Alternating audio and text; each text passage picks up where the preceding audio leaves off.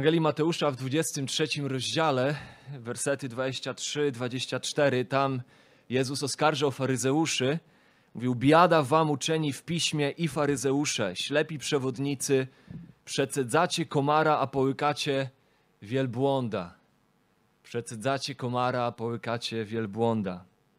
Tam w tym fragmencie Jezus w taki graficzny sposób wytyka im to, że kładą ogromny nacisk na najdrobniejsze jakieś elementy prawdy, elementy religijności, podczas gdy tak naprawdę lekceważą te rzeczy najistotniejsze, najważniejsze, najbardziej fundamentalne. Na przykład oskarżali Jezusa o to, że łamał jakieś tam techniczne zasady sabatu, kiedy to uzdrowił chorego. A widzimy w uczniach podobną postawę Jana 4, 27 do 42, dłuższy fragment, nie będziemy go całego czytać. Tam widzimy uczniów, którzy byli bardziej zainteresowani jedzeniem, pokarmem, niż ratowaniem dusz. Rzeczy drobniejsze przejmowały tak naprawdę kontrolę, zaczynały dominować w ich nastawieniu, w ich, w ich postawie, aniżeli te rzeczy ważniejsze, bardziej fundamentalne, bardziej centralne, o wiele bardziej istotne.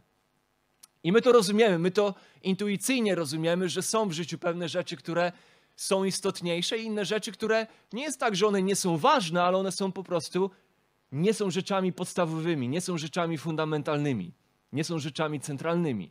My rozumiemy to in, intuicyjnie. Na przykład, jeżeli byśmy wzięli pod uwagę budowlańca, budowlaniec, który twierdzi, że należy wiedzieć wszystko o konstrukcji narzędzi, których on używa do swojego fachu i kupować te, które są narzędziami najlepszej firmy, lecz niewiele wie na temat tego, jak kłaść gładzie, jak układać tynki, jak układać tapety, jak układać kafelki czy stawiać ścianki. No nikt z nas z takim budowlańcem nie chciałby mieć do czynienia. Czy też jak mechanik, który uważa, że w warsztacie wszystko musi być bardzo dokładnie poukładane, dokładnie posegregowane, lecz tak naprawdę nie potrafi rozróżnić pompy paliwowej od pompy wodnej. No nikt z nas z takim mechanikiem nie chciałby mieć wiele do czynienia. Lub jak trener, który wymaga od koszykarzy, by stale ćwiczyli crossovery, podczas gdy oni nie potrafią technicznie najprostszego rzutu wykonać. Więc my to rozumiemy. My rozumiemy, że są rzeczy w każdej dziedzinie życia, które są bardziej istotne, bardziej centralne, bardziej fundamentalne i inne rzeczy, które są mniej centralne. No i prawda jest też taka, że bardzo łatwo jest nam być rozproszonymi w różnych sferach życia. Jak właśnie chociażby w przytoczonych przykładach tego budowlańca, mechanika, trenera, Łatwo nam jest być rozproszonymi, a nawet w pewien sposób takimi uwiedzionymi szczegółami, tymi rzeczami, które są w istocie mniej istotne, właśnie. Jednocześnie tracąc z oczu rzeczy podstawowe, fundamentalne, najistotniejsze. I to też może mieć miejsce w kwestiach wiary, w kwestiach naszego życia z Bogiem, w kwestiach rozumienia w ogóle religijności, pobożności, w kwestiach naszego poznawania Boga i życia z Bogiem. I tak na przykład, jeden z takich elementów, no nie trudno jest i nie trudno było na przestrzeni wieków znaleźć ludzi, którzy byli tak zafascynowani na przykład rozwikływaniem najdrobniejszych tajemnic powtórnego przyjścia Jezusa, od innych też oczekując tego samego, sami jednocześnie mając bardzo ubogie poznanie i zrozumienie tego, kim w ogóle Jezus jest, co oznacza Jego zbawcze dzieło, lub osoby, które chcą wiedzieć, myślę, że spotykamy się z tym, osoby, na które trafiamy, osoby niewierzące, które mają jakiegoś rodzaju, jakiegoś stopnia zainteresowanie pobożnością, religijnością, wiarą chrześcijańską i spotykamy te osoby i one zazwyczaj są zainteresowane tym, no, w co wierzysz na temat Marii, w co wierzysz na temat spowiedzi i tak dalej, i tak dalej. Wiele pytań, albo na przykład, no, co twój kościół myśli o szczepionkach, to dzisiaj popularny temat i to są rzeczy, które interesują ludzi, ale tak naprawdę my rozumiemy, że te rzeczy nie są najistotniejsze, one nie są centralne. I często te osoby nie rozumieją, że najważniejsze jest to, jak my powinniśmy traktować Pismo Święte, skąd my w ogóle wyciągamy prawdę, skąd my czerpiemy prawdę, skąd prawda pochodzi, co jest dla nas autorytetem, kim jest Bóg, jaki jest nasz problem, jak ten problem rozwiązać, jak być zbawionym, jak być uratowanym. I ci ludzie tego nie rozumieją, bo są zaabsorbowani rzeczami, które nie są nieistotne, ale na pewno nie są centralne. Paweł ostrzegał Tymoteusza. Pierwszy Tymoteusza 1, 3 do 7.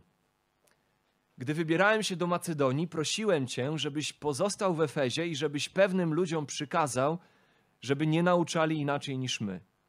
I żeby nie zajmowali się baśniami i niekończącymi się rodowodami, które przeważnie wywołują spory, a nie służą dziełu zbawienia Bożego, które jest z wiary. A celem tego, co przykazałem, jest miłość płynąca z czystego serca i z dobrego sumienia i z wiary nieobudnej, czego niektórzy nie osiągnęli i popadli w próżną gadaninę. Chcą być nauczycielami zakonu, a nie rozumieją należycie ani tego, co mówią, ani tego, co twierdzą. I w swoich listach Paweł kilkukrotnie tak naprawdę pisze o tym, o czym czytamy tutaj w 1 Tymoteusza 1. Wydaje się, że najwyraźniej to był realny problem, że ludzie skupiali się na rzeczach mniej istotnych, albo tutaj nawet w kontekście tych wersetów, rzeczach w ogóle nieistotnych, pomijając czy nawet lekceważąc rzeczy najbardziej istotne.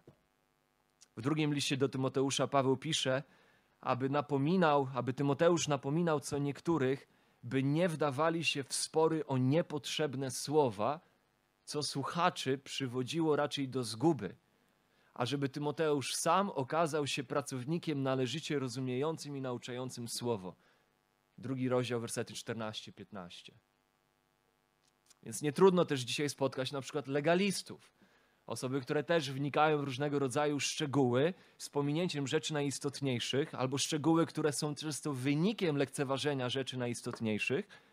Legalistów, którzy próbują kontrolować życie innych w każdym szczególe, manipulując, wykorzystując bardzo często do tego nawet Biblię, na podobieństwo faryzeuszy, nakładając na innych ciężary nie do uniesienia, oskarżając braci, bo ci nie wpasowują się tak naprawdę w ich preferencje bardziej, aniżeli w doktryny biblijne, z których to oni po prostu z tych preferencji w jakimś momencie swojego życia, z tych szczegółów uczynili dogmaty.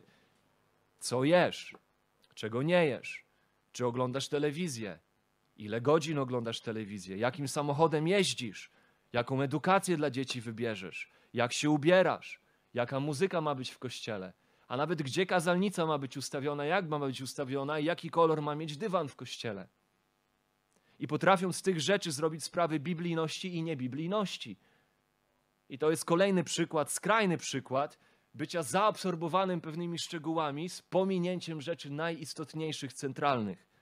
Takie postawy Paweł wręcz nazywa naukami szatańskimi w 1 Tymoteusza 4 rozdział wersety od 1 do 3. I tam w ten sposób opisuje tych, którzy nakładają nakazy i zakazy na ludzi, których Biblia nie nakłada ze swoich preferencji czynią dogmaty i tam konkretnie na przykład zabraniają wstępowania w związki małżeńskie albo zabraniają jakichś pokarmów. I Paweł nazywa to postawą szatańską wręcz. I oczywiście, jak w każdej z tych rzeczy, no chociażby jedzenie, telewizja, samochód, my rozumiemy, że te rzeczy mogą być istotne, w nich szukamy mądrości. To nie jest tak, że je lekceważymy i w ogóle z nich czynimy rzeczy nieduchowe.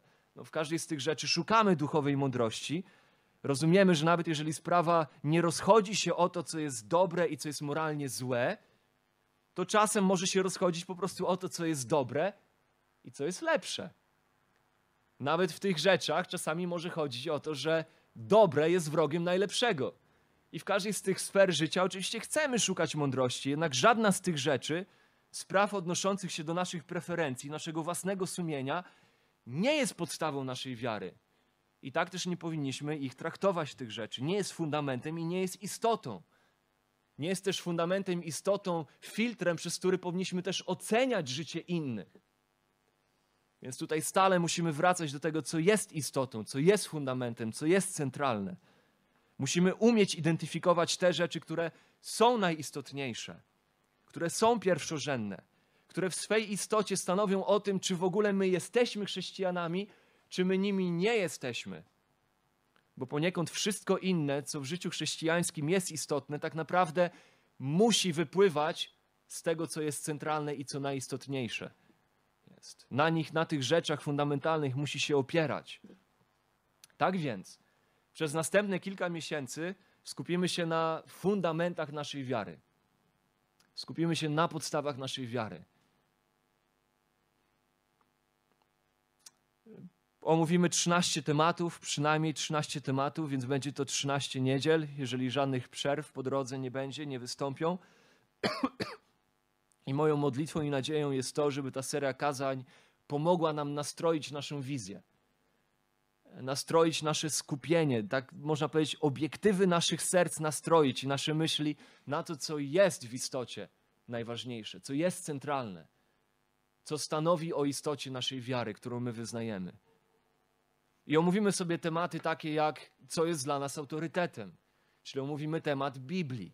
Biblia jako Słowo Boże.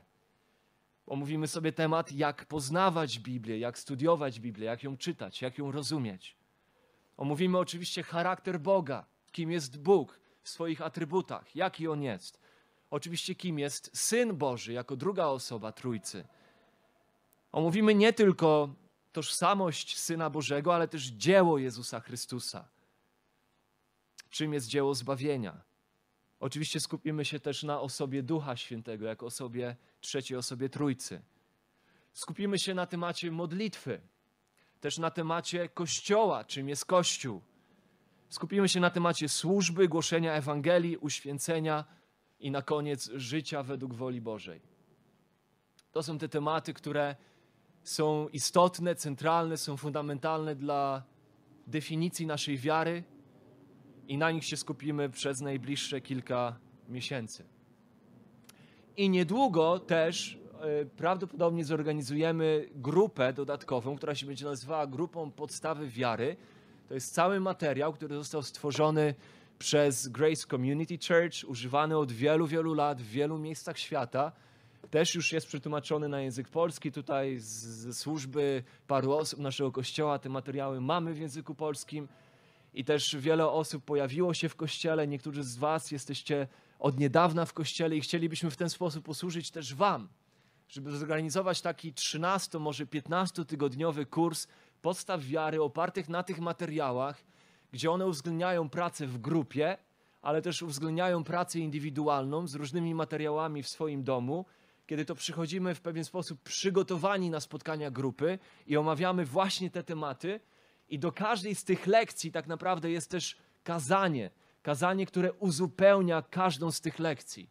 Więc dlatego też chcemy wygłosić tutaj serię tych kazań, tak żeby one, kiedy byśmy mieli kiedyś opublikować e, ten, ten kurs podstaw wiary, żeby on był dostępny w ogóle w Polsce, to chcielibyśmy, żeby on był w pełni dostępny żeby nie tylko mieć materiały wydrukowane, ale żeby mieć je w pakiecie też z serią kazań, która uzupełnia te materiały, bo tam w każdej lekcji zobaczycie, jeżeli zapiszecie się na ten kurs, kiedy już go zaczniemy, do każdej lekcji pracą domową jest przesłuchać kazanie, które do danej lekcji z daną lekcją jest połączone, uzupełnia daną lekcję. To jest część pracy domowej każdej z tych lekcji poszczególnej.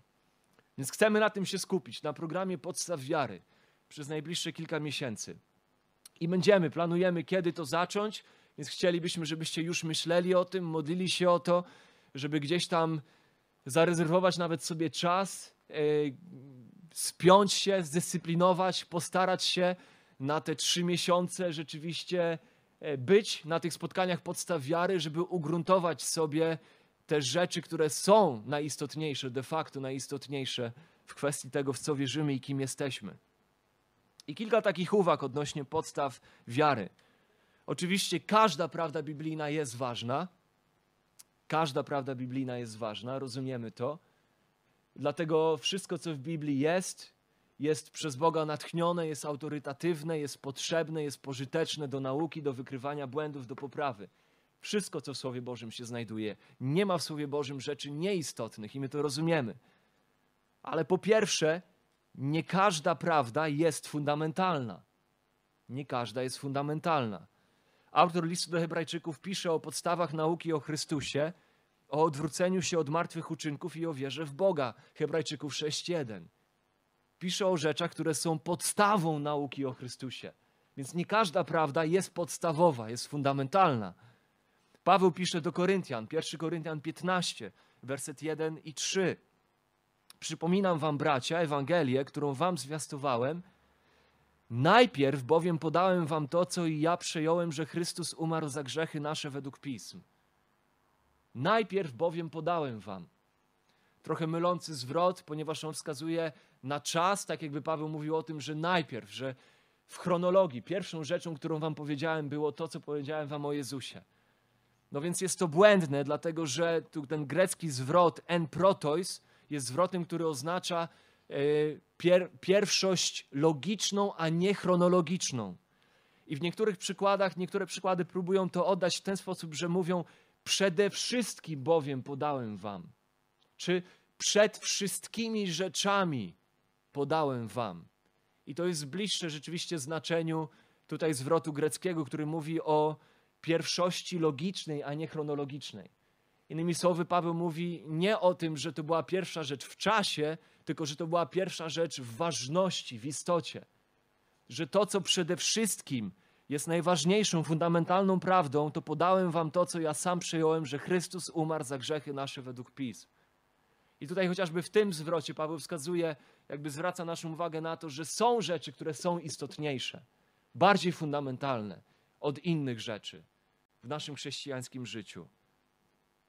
Tutaj Paweł chce powiedzieć, że spośród rzeczy najważniejszych, to co jest przede wszystkim, to to, że Chrystus umarł za ich grzechy według pism.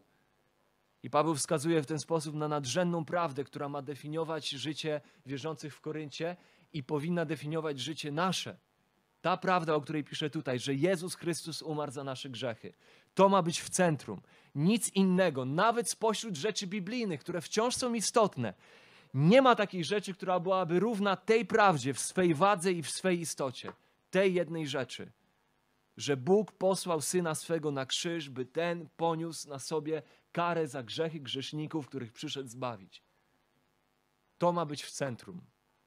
Jeśli cokolwiek, jakoby Paweł mówi, jeżeli cokolwiek miałoby definiować nasze życie, jeżeli jest cokolwiek, co miałoby nieustannie chwytać za nasze serce, absorbować nasze myśli, jeżeli jest cokolwiek w chrześcijaństwie, w biblijnych doktrynach, czego powinniśmy być pasjonatami, wobec czego powinniśmy być żarliwi, to jest to Ewangelia. Prawda najbardziej centralna. Więc są rzeczy, które są bardziej centralne i rzeczy, które są mniej fundamentalne. Dalej, wzrastanie w poznaniu prawdy oczywiście też jest procesem na całe życie i powinno zaczynać się od poznania prawd fundamentalnych. Więc zdajemy sobie sprawę, że jest wiele rzeczy istotnych w Biblii i że nie mówimy o tym, jakby poświęcając czas przez trzy miesiące na tą serię, nie mówimy o tym, że nam te rzeczy nie są istotne, pozostałe rzeczy, tylko mówimy o tym, że najpierw uczymy się tych rzeczy i wszystkie inne poznajemy przez resztę naszego życia. To jest stały proces uświęcenia. My ich, z nich nie rezygnujemy i wielu z tych rzeczy oczywiście dotykamy na bieżąco w naszym studiowaniu słowa, w naszych kazaniach, w naszych studiach biblijnych. Więc one oczywiście są istotne, a one są procesem na całe nasze życie. Dalej, jeżeli chodzi o te kilka uwag. Oczywiście też to studium nie będzie wyczerpujące. Ono nie będzie wyczerpujące i to też nie jest cel. Te 13 lekcji, jeżeli zrobimy grupę fundamentów wiary, podstaw wiary, one nie będą wyczerpujące, one nie odpowiedzą na wszystkie pytania w tych kwestiach. Każdemu z tych tematów spokojnie moglibyśmy poświęcić 13 tygodni. 13 razy 13 byśmy musieli pomnożyć. Więc nie odpowiemy na wszystkie pytania i nie wejdziemy we wszystkie zakamarki poruszanych tematów i zagadnień. Raczej skupimy się na centralnych prawdach odnośnie tych centralnych prawd. Musimy też mieć na uwadze, że nie każda kwestia spośród fundamentalnych prawd jest tak samo fundamentalna. Nawet spośród tych 13 fundamentalnych, nie każda jest tak samo fundamentalna. Oczywiście są pewne prawdy, o których będziemy sobie mówić, których odrzucenie czyni ciebie heretykiem. Odrzucenie konkretnych prawd sprawia, że w ogóle nie jesteś chrześcijaninem. I są takie prawdy, i o takich prawdach będziemy mówić. Ich nieprzyjęcie, ich odrzucenie jest odrzuceniem tego, o czym mówi Juda, jest odrzuceniem wiary, która raz na zawsze została przykazana świętym. Ale są też pewne prawdy, które są wciąż fundamentalne i których odrzucenie niekoniecznie czyni ciebie heretykiem, nie czyni ciebie fałszywym wyznawcą, na przykład odrzucenie doktryny o wiecznym bezpieczeństwie zbawionych, czy niezrozumienie doktryny o wiecznym bezpieczeństwie zbawionych, o pewności zbawienia. Nie jest rzeczą, która od razu czyni ciebie fałszywym wyznawcą, ale na pewno jest rzeczą, która uczyni twoje życie na ziemi mniej owocnym. Zdecydowanie. Więc w tym sensie ona też jest fundamentalna. I dla niektórych z nas te rzeczy, to będą to rzeczy, które jedynie okażą się przypomnieniem. Ja jestem tego świadom. Niektórzy z Was te rzeczy macie opanowane. I chciałbym Wam powiedzieć, dla których te rzeczy będą znane, w duchu apostoła Piotra, słowa Bożego z 1 Piotra 1, 12, 13, zamierzam zawsze przypominać Wam te sprawy, chociaż o nich wiecie i utwierdzeni jesteście w prawdzie, którą macie. I uważam zaś za rzecz słuszną, dopóki jestem w tym ciele, pobudzać Was przez przypominanie. Więc nawet jeżeli dla niektórych z Was to są rzeczy znane, dobrze jest sobie je przypominać raz na jakiś czas, przypominać sobie o tym, co jest fundamentem, o tych prawdach, które powinny definiować i prowadzić nasze życie, o tych prawdach, które są kotwicą naszej wiary, które są istotą naszej wiary, które są tak naprawdę sznurem mierniczym, są swego rodzaju wagą, poprzez które mierzymy wszystkie inne twierdzenia odnośnie rzeczywistości. Dobrze jest sobie o tym przypominać, nawet jeżeli jesteśmy utwierdzeni w tych rzeczach. O tych prawdach, które wyznaczają nasze priorytety, wartości, definiują nasze ambicje, które kierują naszym ziemskim życiem. Dla innych z nas będą to rzeczy bardziej odkrywcze. Niektórzy może nawróciliście się już jakiś czas temu, może już upłynęło wiele czasu od waszego nawrócenia, ale w sumie nigdy nie byliście nauczani teologicznie. Może pochodzicie z różnych środowisk, gdzie może nacisk był na różne inne rzeczy związane z pobożnością, a niekoniecznie na prawdy teologiczne, na prawdy objawione Bożego Słowa. Albo przyjęliście pewne rzeczy za fakty, ale tak naprawdę bardziej z tradycji, w której się wychowaliście. Jakiejś kościelnej tradycji, jakiejś rodzinnej tra tradycji, czy może z waszej własnej intuicji.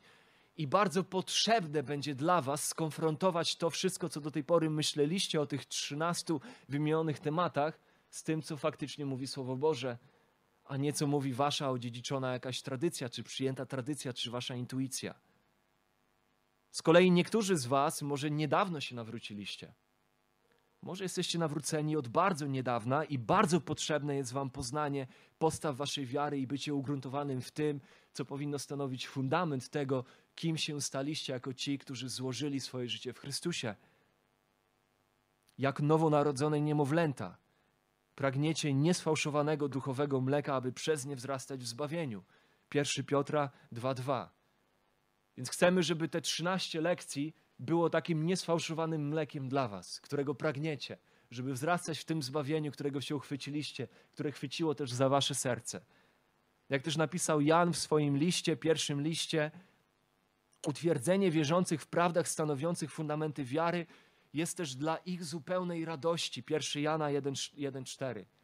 Te rzeczy są dla naszej zupełnej radości a także dalej pisze w piątym rozdziale, wersety 11 do 13, są dla wzmocnienia naszej pewności zbawienia. Więc chcemy się utwierdzać, być ugruntowani w tych prawdach, szczególnie wy, którzy nawróciliście się niedawno. Te rzeczy są dla waszej pełnej radości i też dla wzmacniania waszej pewności zbawienia. Jan cały swój pierwszy list napisał między innymi po to, aby umocnić przekonanie wierzących o życiu wiecznym jakie stało się ich udziałem przez wiarę. Innymi słowy, wiedza, przekonanie, pewność życia wiecznego jest w pewnym sensie proporcjonalna do poznania nauki apostolskiej, do poznania Słowa Bożego, do poznania fundamentów naszej wiary. Im lepiej rozumiemy, czym są fundamenty naszej wiary, tym więcej radości będziemy przeżywać w Panu i tym większe będzie nasze poczucie pewności zbawienia, jaką mamy w Nim. Jeszcze inni może się okazać w trakcie tego studium, że zdacie sobie sprawę, że do tej pory wcale nie byliście nawróceni. Może się okazać, że do tej pory to, w co wierzyliście, nie było prawdami biblijnymi, szczególnie w odniesieniu do tych rzeczy, które stanowią o tym, czy ktoś w ogóle jest prawdziwym wyznawcą, czy jest fałszywym wyznawcą. Bo to, w co wierzyliście, nie było tym, do czego Bóg wzywa człowieka, by wierzył. I może się okazać na etapie tego studium, że, że tak właśnie było z wami. Pismo jest tym, co daje mądrość ku zbawieniu. Pisze Paweł o tym w drugim liście do Tymoteusza, w trzecim rozdziale, wersety 14-15. I jeżeli tak miałoby się wydarzyć, Jeżeli tak miałoby się wydarzyć, że komuś z Was pismo okaże się narzędziem ku dawaniu Wam mądrości, ku zbawieniu, to to byłaby wspaniała rzecz, która mogłaby się wydarzyć. Byłaby to cudowna rzecz.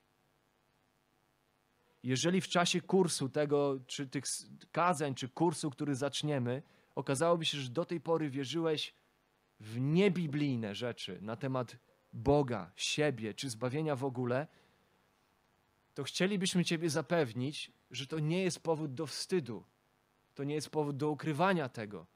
To jest raczej powód do wdzięczności i uwielbienia Boga za to, że zaczyna używać swojego słowa do tego, żeby otwierać Twoje oczy i prowadzić do poznania prawdy. Jeżeli miałoby się tak okazać na etapie tego kursu czy tych kazań, że tak właśnie jest, to jest to powód raczej, żeby przyjść, porozmawiać o tym, powiedzieć o tym, złożyć świadectwo wspaniałej łaski Bożej, o tym, jak On wykorzystuje swoje słowo, dając mądrość ku zbawieniu także i Tobie. Tak więc tak istotne jest, byśmy wiedzieli, czym są podstawy naszej wiary, byśmy mogli być utwierdzeni podstawowych prawdach, bez których chrześcijaństwo albo w ogóle nie istnieje, albo bez których życie chrześcijańskie przeżywane będzie w duchowym ubóstwie. Musimy być w stanie te rzeczy zidentyfikować, zrozumieć i się ich uchwycić. To, w co wierzymy, ma ogromne znaczenie. To, w co wierzymy, co uznajemy za prawdę o Bogu Ojcu, o Synu Bożym, o Duchu Świętym, o Kościele, o człowieku, o grzechu, o zbawieniu, o Bożej woli, o Biblii, o modlitwie.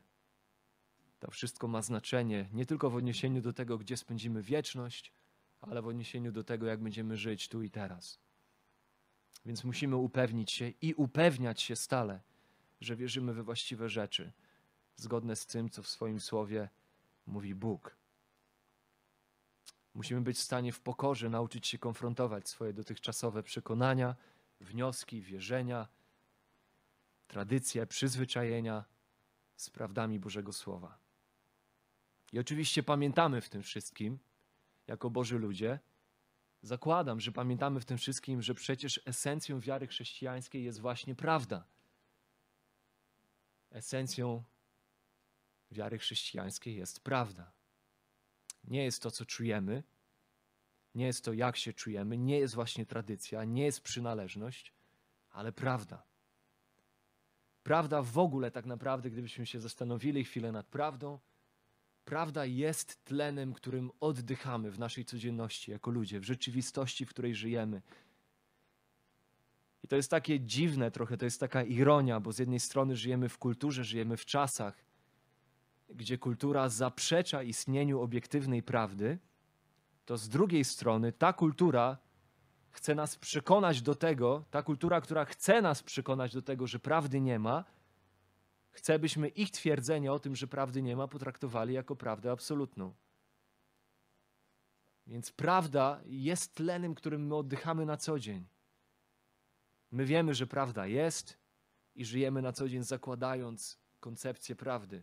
Gdyby tak nie było, świat nie pisałby książek, nie prowadziłby debat, nie byłoby programów publicystycznych, nie dążyłby do odkryć naukowych w dziedzinach fizyki, biologii, astronomii. Więc to jest taka ironia, szczególnie czasów, w których żyjemy. Z jednej strony prawdy nie ma, a z drugiej strony widzimy, że prawda jest tlenem, którym oddychamy. My doskonale wiemy, że prawda jest. I tak też oczywiście sprawa się ma w kwestii prawdy duchowej. Bóg coś powiedział, jest to autorytatywne, jest to prawdziwe, prawdziwe. I w kwestii chrześcijaństwa, zbawienia, wieczności, esencją wiary jest prawda. Jana 4:23 nadchodzi godzina i teraz jest, kiedy prawdziwi czciciele będą oddawali Ojcu cześć w duchu i w prawdzie, bo i Ojciec takich szuka, którzy by mu tak cześć oddawali w duchu i w prawdzie. A dalej w ósmym rozdziale 32 Jezus mówi: I poznacie prawdę, i prawda was wyswobodzi. A w Jana 17:17 17 modli się: Uświęć ich w prawdzie swojej. Słowo Twoje jest prawdą. Juda pisze o wierze raz na zawsze przekazanej świętym, prawdzie raz na zawsze przekazanej świętym. Paweł pisze do Tymoteusza i do Tytusa o trzymaniu się zdrowej, prawdziwej, słusznej nauki. Piotr pisze o wzrastaniu w prawdzie. Więc my oczywiście rozumiemy, pamiętamy o tym, że esencją tego, w co wierzymy, jest prawda przede wszystkim i szczególnie w odniesieniu do tego, co fundamentalne, co centralne, musimy być w stanie ją zidentyfikować, zrozumieć i jej się uchwycić.